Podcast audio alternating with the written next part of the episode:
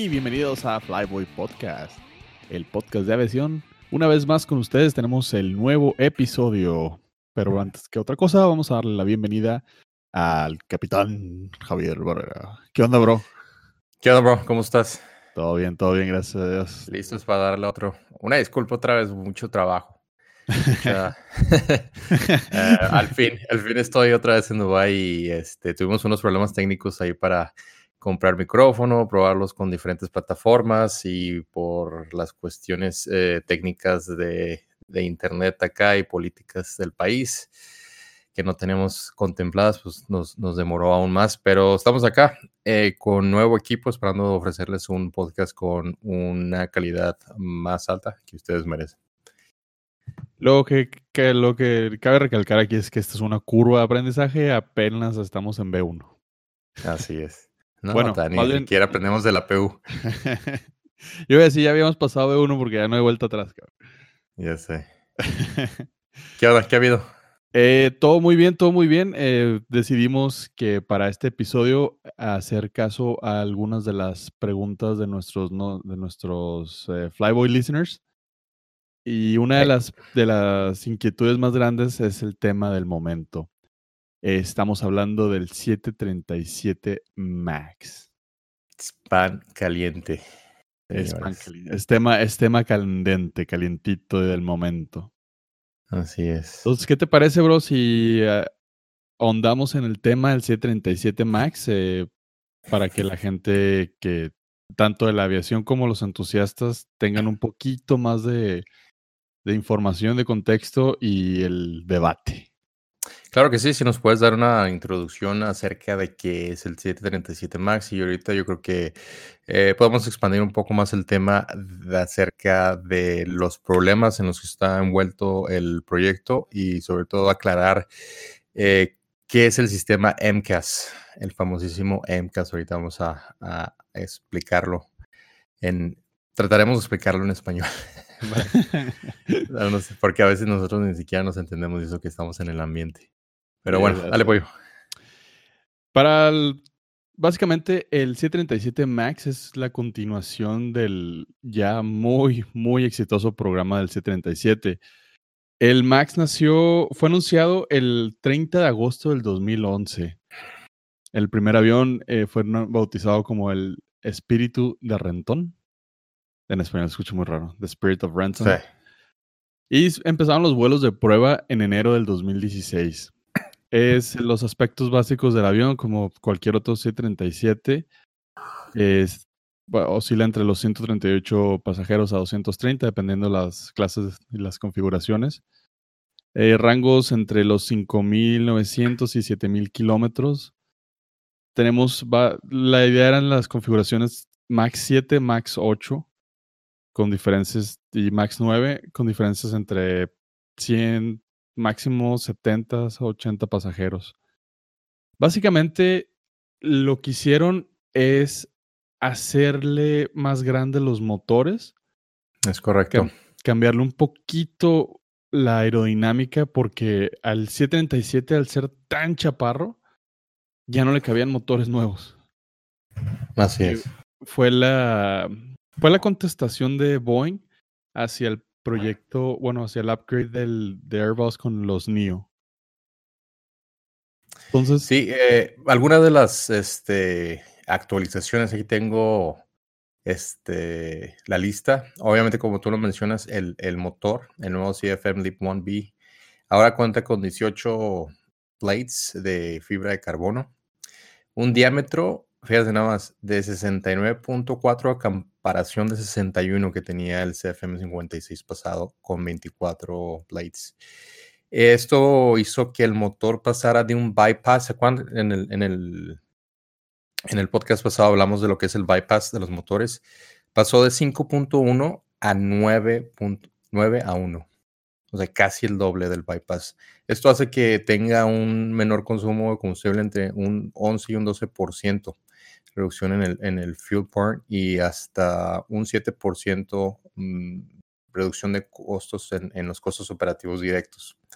Obviamente con esto viene un nuevo pylon, el, el, ¿cómo se llama? El, el, soporte. Es lo que es el soporte del motor.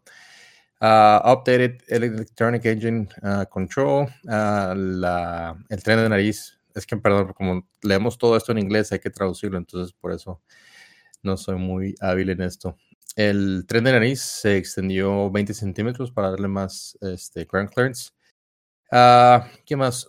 Los spoilers cambiaron, ahora son fly-by-wire, están ligados a, un sistema eléctrico del Flight Control Computer.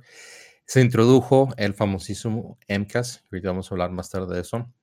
Le cambiaron la, el, el tail cone, la, cola, el empenaje, donde salen los escapes de la APU. Esto, este cambio en, en, el diseño de, del escape de la APU le dio un, un por ciento en la reducción del combustible.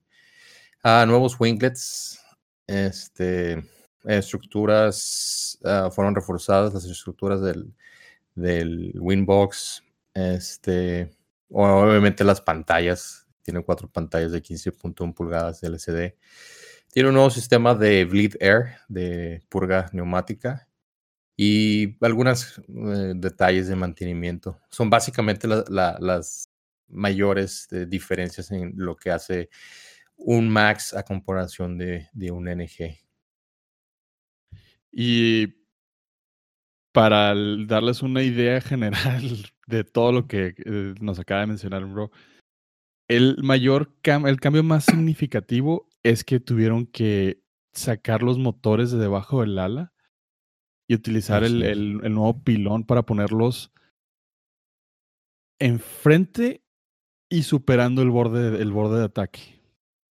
Entonces, eso, eso cambió totalmente la aerodinámica del, del avión.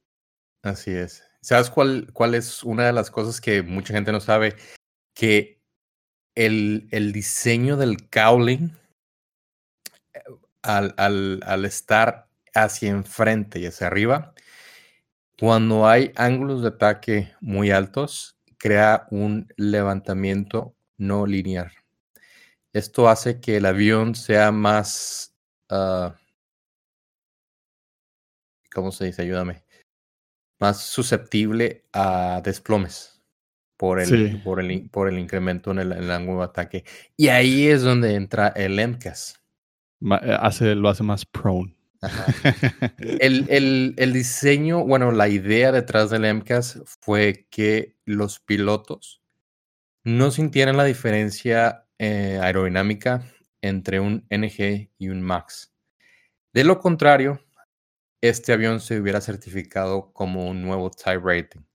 Quiere decir que en vez de tener una transición mínima de, no sé, tres horas de seis horas, dos días, lo que sea, de clases, tendrías que ir a simuladores, tomar un curso, algo más completo para que se diera la, la transición hacia el hacia el nuevo, hacia la nueva aerodinámica con la cual se volaría el, el 737 Max. Obviamente esto involucra algo que es penadísimo por toda la industria, que son los costos. El señor Mac dinero. Así es.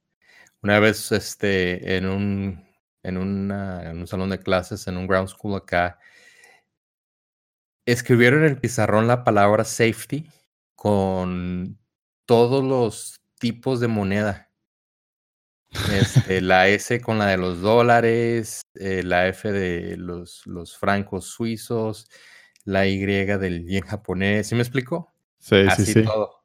O sea, quiere, quiere decir que safety es, es un sinónimo de dinero, lamentablemente, en la industria. Y para muestras un botón con este ejemplo del, del Max. Híjole, aquí es donde ya vamos a, a empezar los temas sabrosos. Sí, son temas muy delicados, o sea, desde, desde el mismo 37, que, o sea, que ya no daba para más, o sea, todavía se, se, se aferraron a, a seguir mejorándolo y, ok, está bien, pero, o sea, quieres abatir costos en todos los aspectos, o sea, tampoco se puede. Y les acaban de descubrir este, cerca de 130 aviones NGs, los últimos que están saliendo con defectos en calidad en, los, en las guías de los slats. Eso afecta a algunos últimos 737 NGs y algunos Max.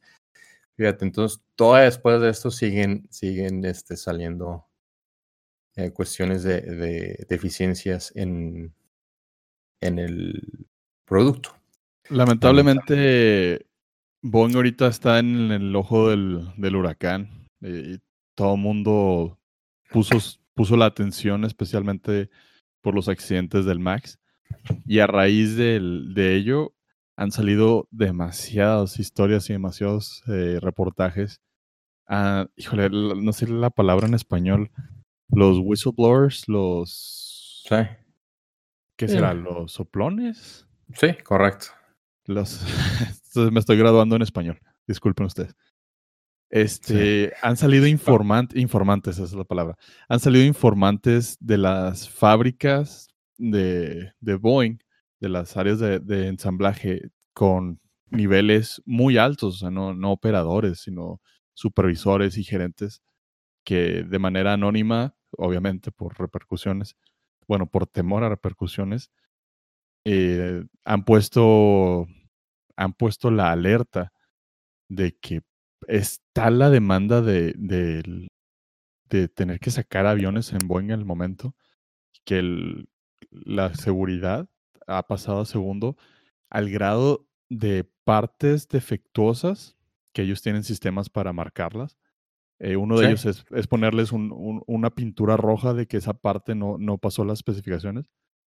Eh, uno de los, de los informantes, de, este era del, del Dreamliner, Dice, el supervisor general agarró todo el lote de las partes y le borró la pintura para mandarlas a, la línea. Dice, oye, pero no, pues eso no está bien. Dice, no, esa es la orden de arriba, hay que sacar los pedidos y lamentablemente la, la calidad en la seguridad sí se ha visto muy mermada. Así es. Y el problema ahorita es que a nivel mundial eh, ya nadie cree en la, la, FAA porque hasta la FAA estuvo de alguna manera vinculada a, pues, ¿cómo le podríamos llamar a esto? Es... La complacencia.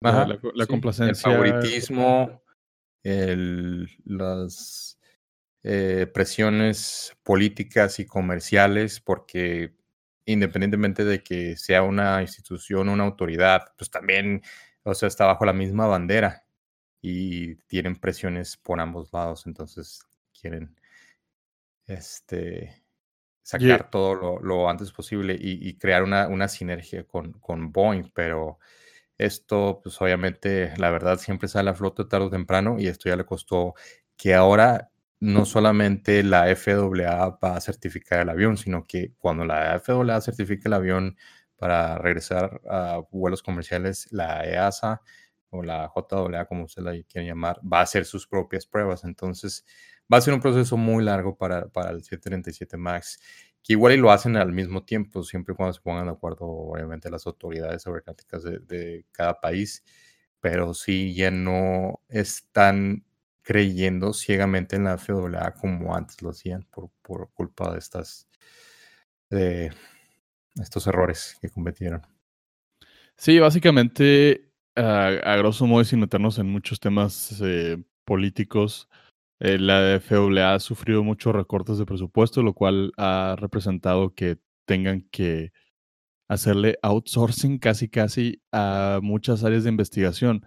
Tanto es el punto que Boeing se autocertificó porque la FAA le dio esa capacidad.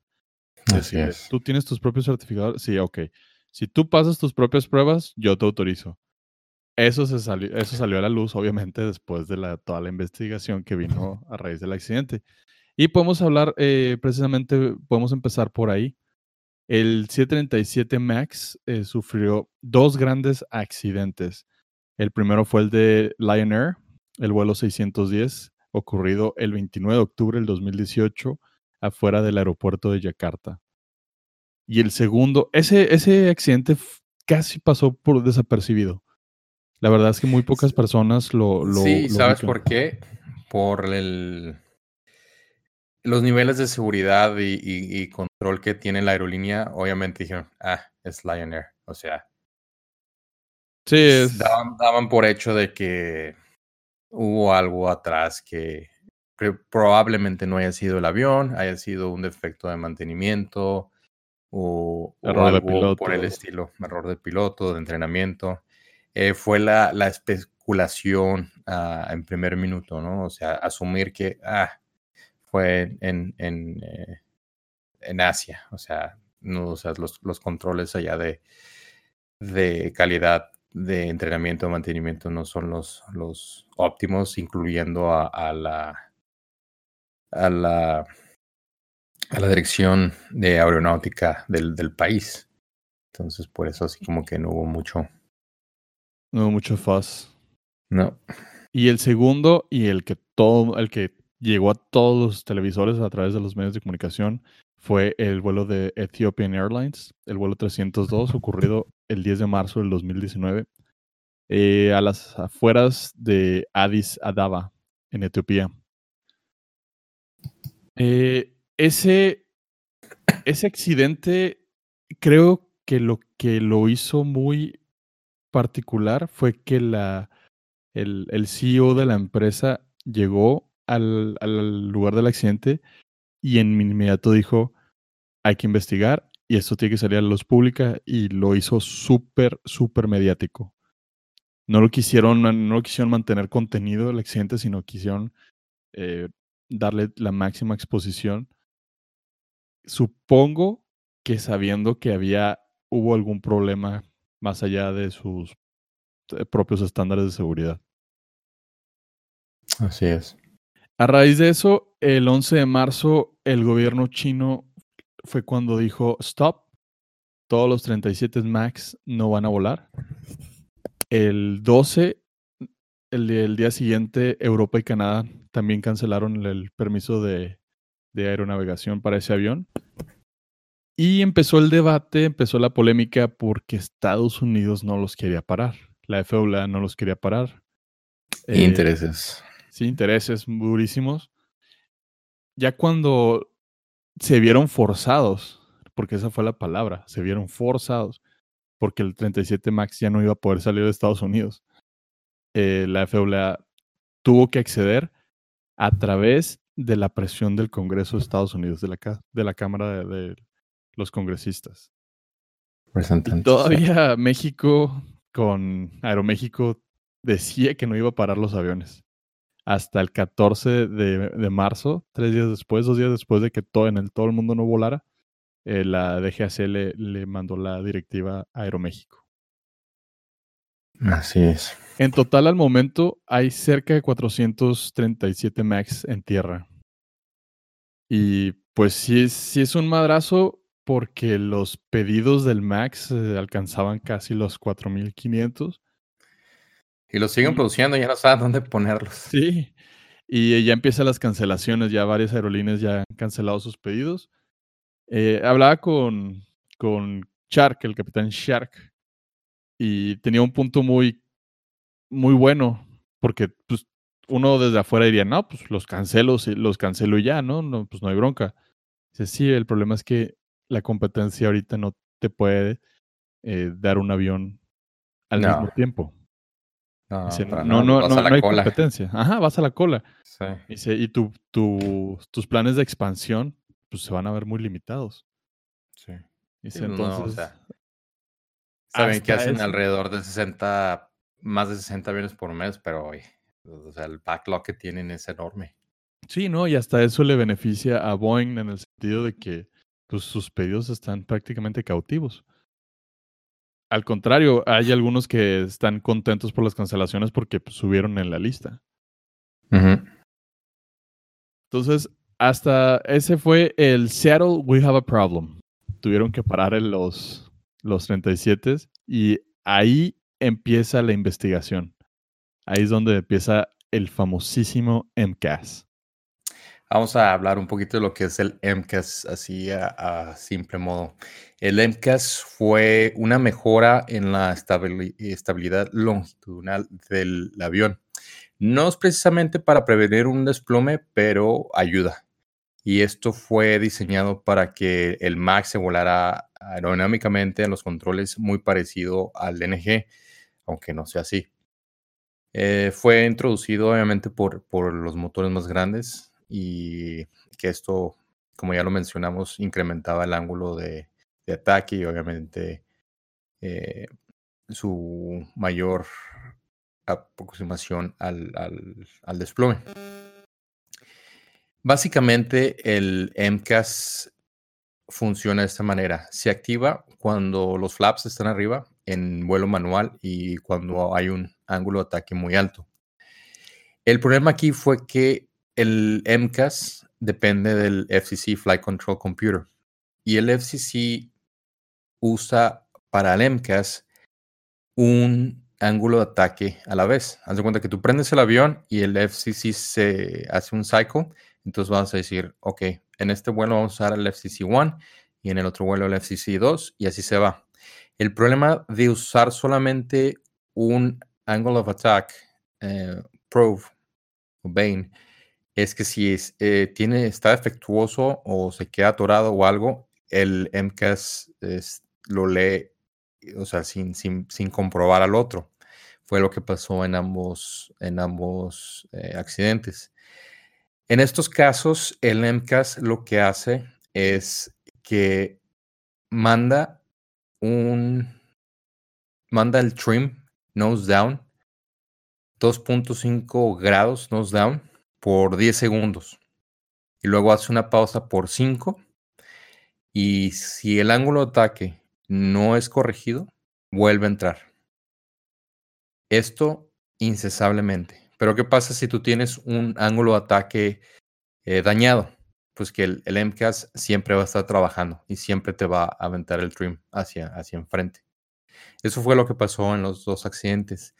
En el de Ethiopian hubo los, los pilotos, después de que sacaron creo que un boletín, lograron desactivar los, los Trim Cutout Switches, que lo que hacen es que le quitan eh, energía al, al, al compensador automático y el eléctrico pero el Dream ya estaba muy, muy, muy abajo, muy, muy nariz abajo. Estaba alrededor de eh, una unidad. O sea, casi, casi en, su totalidad nose down. Si a eso le aunas que los motores estaban casi a la máxima potencia, recordemos que los motores en el ala, especialmente los del Max, por estar situados muy al frente del centro de gravedad, crean levantamiento o sea, que se levanta la nariz. Un avión, por ejemplo, como en el MD, tiene los motores atrás, tipo tractor, ah, propulsor y tractor son los, son los MAX.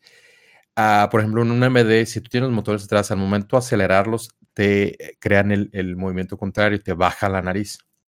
Entonces, como ese tenían los motores en el ala y estaban casi a la máxima potencia, pues obviamente tiende a levantar. Esto unado, este, tuvieron una, una aceleración grandísima, pero sí lograron llegar a cortar los, los estabilizadores eléctricos. El problema fue, como iban tan rápido, todavía no se sabe a ciencia cierta si la cuestión aerodinámica por la velocidad no tuvieron la suficiente fuerza los pilotos o, uno de los pilotos en activar el, el, compensador, el trim, de forma manual, como lo, indica el boletín. Entonces lo volvieron a activar los eléctricos para sacarlo y obviamente pues, ya, ya no pudieron porque era una, era una batalla constante. Tú al momento de, si el MCAS entra y al momento tú usas el trim, se para pero si lo sueltas, vuelve a entrar, entonces te vuelve a aventar el, trim para enfrente. Entonces, a esa velocidad, con las fuerzas aerodinámicas que tiene esa velocidad y con el trim tan abajo, era imposible, imposible rescatar ese avión y lamentablemente, pues ya sabemos lo que pasó.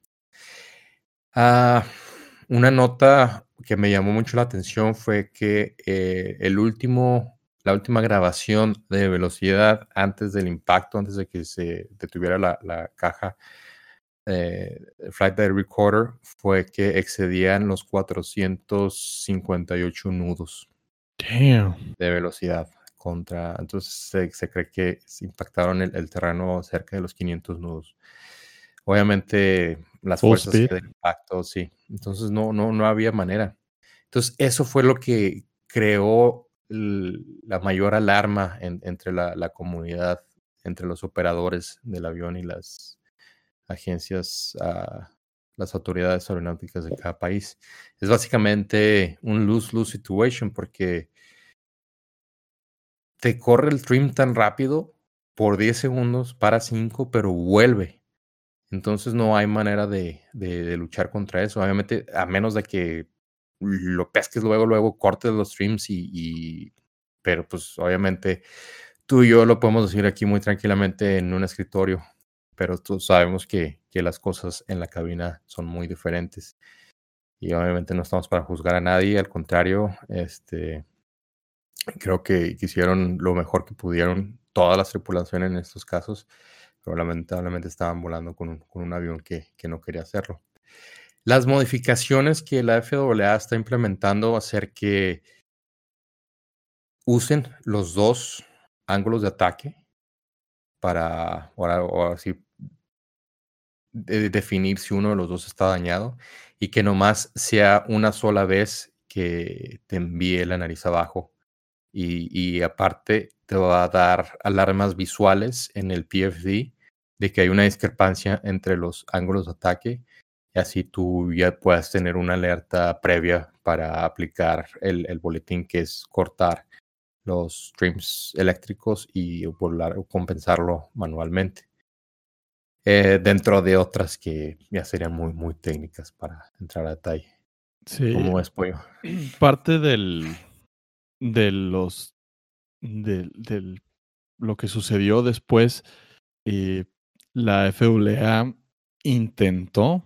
No, perdón, la FAA no. Boeing intentó dar a entender de que los pilotos no estaban eh, suficientemente capacitados para sacar ese problema. Y me vino a la mente mucho la, la, frase de, del Captain Sully. Dice, no, es que en el simulador se puede pararlo. Sí, porque sabes que estás esperando. Esos pilotos se enfrentaron a un problema que jamás habían vivido. Exactamente. Digo, nunca, nunca toman los de pantalón largo, nunca toman en consideración, uno, la, el cansancio del aviador, dos, el tiempo que necesitas para procesar la información y saber qué está sucediendo antes de empezar a actuar. No, y menos si, por ejemplo, en este caso, Boeing no había dado ninguna información de nada, eh, especialmente a los pilotos, no había nada. Lo único que había en el FCOM era en abreviaciones, venía MCAS, era todo. Ya decía Maneuver Characteristics Augmentation System, era todo lo que venía en el FCOM, en la, en la sección de abreviaciones. No había una explicación más detallada, ni estaban informados de que ese sistema se había incluido en el MAX. El único manual donde había información del MCAS era en el manual de mantenimiento. Pero, oye, No, el, eh, el- el- ajá, el piloto es el que lo está volando y no tiene, no tiene información de eso. Fue una de las cosas que, que realmente molestaron a, a toda la industria.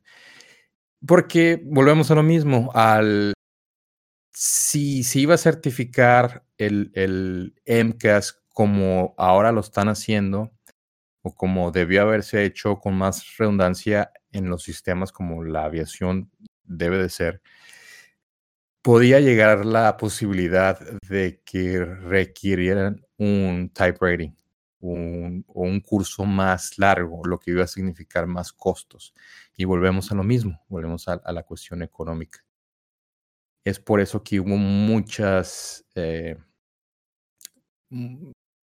no, no mentiras, pero taparon muchas, Omisiones, muchas omisiones en, en lo que viene siendo el, este avión y sus el- diferencias. como dices, el, el- lo, lo trascendental aquí fue que Boeing siempre estuvo consciente de que era una parte muy diferente a, a los 37 eh, normales. Por cuestiones económicas no lo quisieron escuchar. Y aquí viene otra parte que en lo personal se me hace crítica. Después del primer accidente de, de Lion Air, que fue en octubre del 2018, a partir de noviembre, pilotos de American Airlines, junto a su sindicato, le pasaron a la FAA y a Boeing infinidad de reportes de fallas con el MCAS. Afortunadamente, ninguna fue catastrófica, pero sí tuvieron muchas anomalías para su consideración no estaban estipuladas en ningún entrenamiento. Lamentablemente ahí todos esos reportes quedaron eh, archivados porque ocurrieron otras circunstancias en el país y nunca se tomó la, nunca se le dio la suficiente importancia a ese punto. Así es. Otra cosa que Boeing sabía desde que sacaron el avión, de hecho, eh, creo que fue uno de los pilotos de prueba, les indicó que había un problema con, con el ángulo de ataque a bajas velocidades y les hizo algunas recomendaciones como incluir eh, vórtices eh, direccionales de flujo, etcétera. Boeing, si sabe, eh, sabía obviamente de, esto y obviamente lo, lo, omitió, como, como mencionas. ¿Por qué? Pues porque iba a causar más, más demoras, más costos, más entrenamiento, etcétera, etcétera, etcétera. Y bueno, yo creo que con eso ya damos un amplio, una amplia idea, un panorama de lo que fue este problema del, del MCAS y todas las consecuencias que, que ha traído, ¿no? ¿Cómo después? Aquí viene una, la siguiente cuestión. Dejamos atrás ya el 37 MCAS en cuestiones técnicas. Y esta, esta cuestión se me hizo muy interesante porque a raíz del Dreamliner y del 380 y del 777, las aerolíneas le empezaron a poner mucho énfasis en publicitar sus aviones. ¿A qué me quiero referir con esto? En los 90s, 80s, quizás hasta principios del 2000, las aerolíneas no te informaban ni siquiera qué tipo de avión ibas a volar como pasajero. Simplemente era pues, vuelo en Aeroméxico, vuelo en Interjet, vuelo, o sea, vuelo en American Airlines.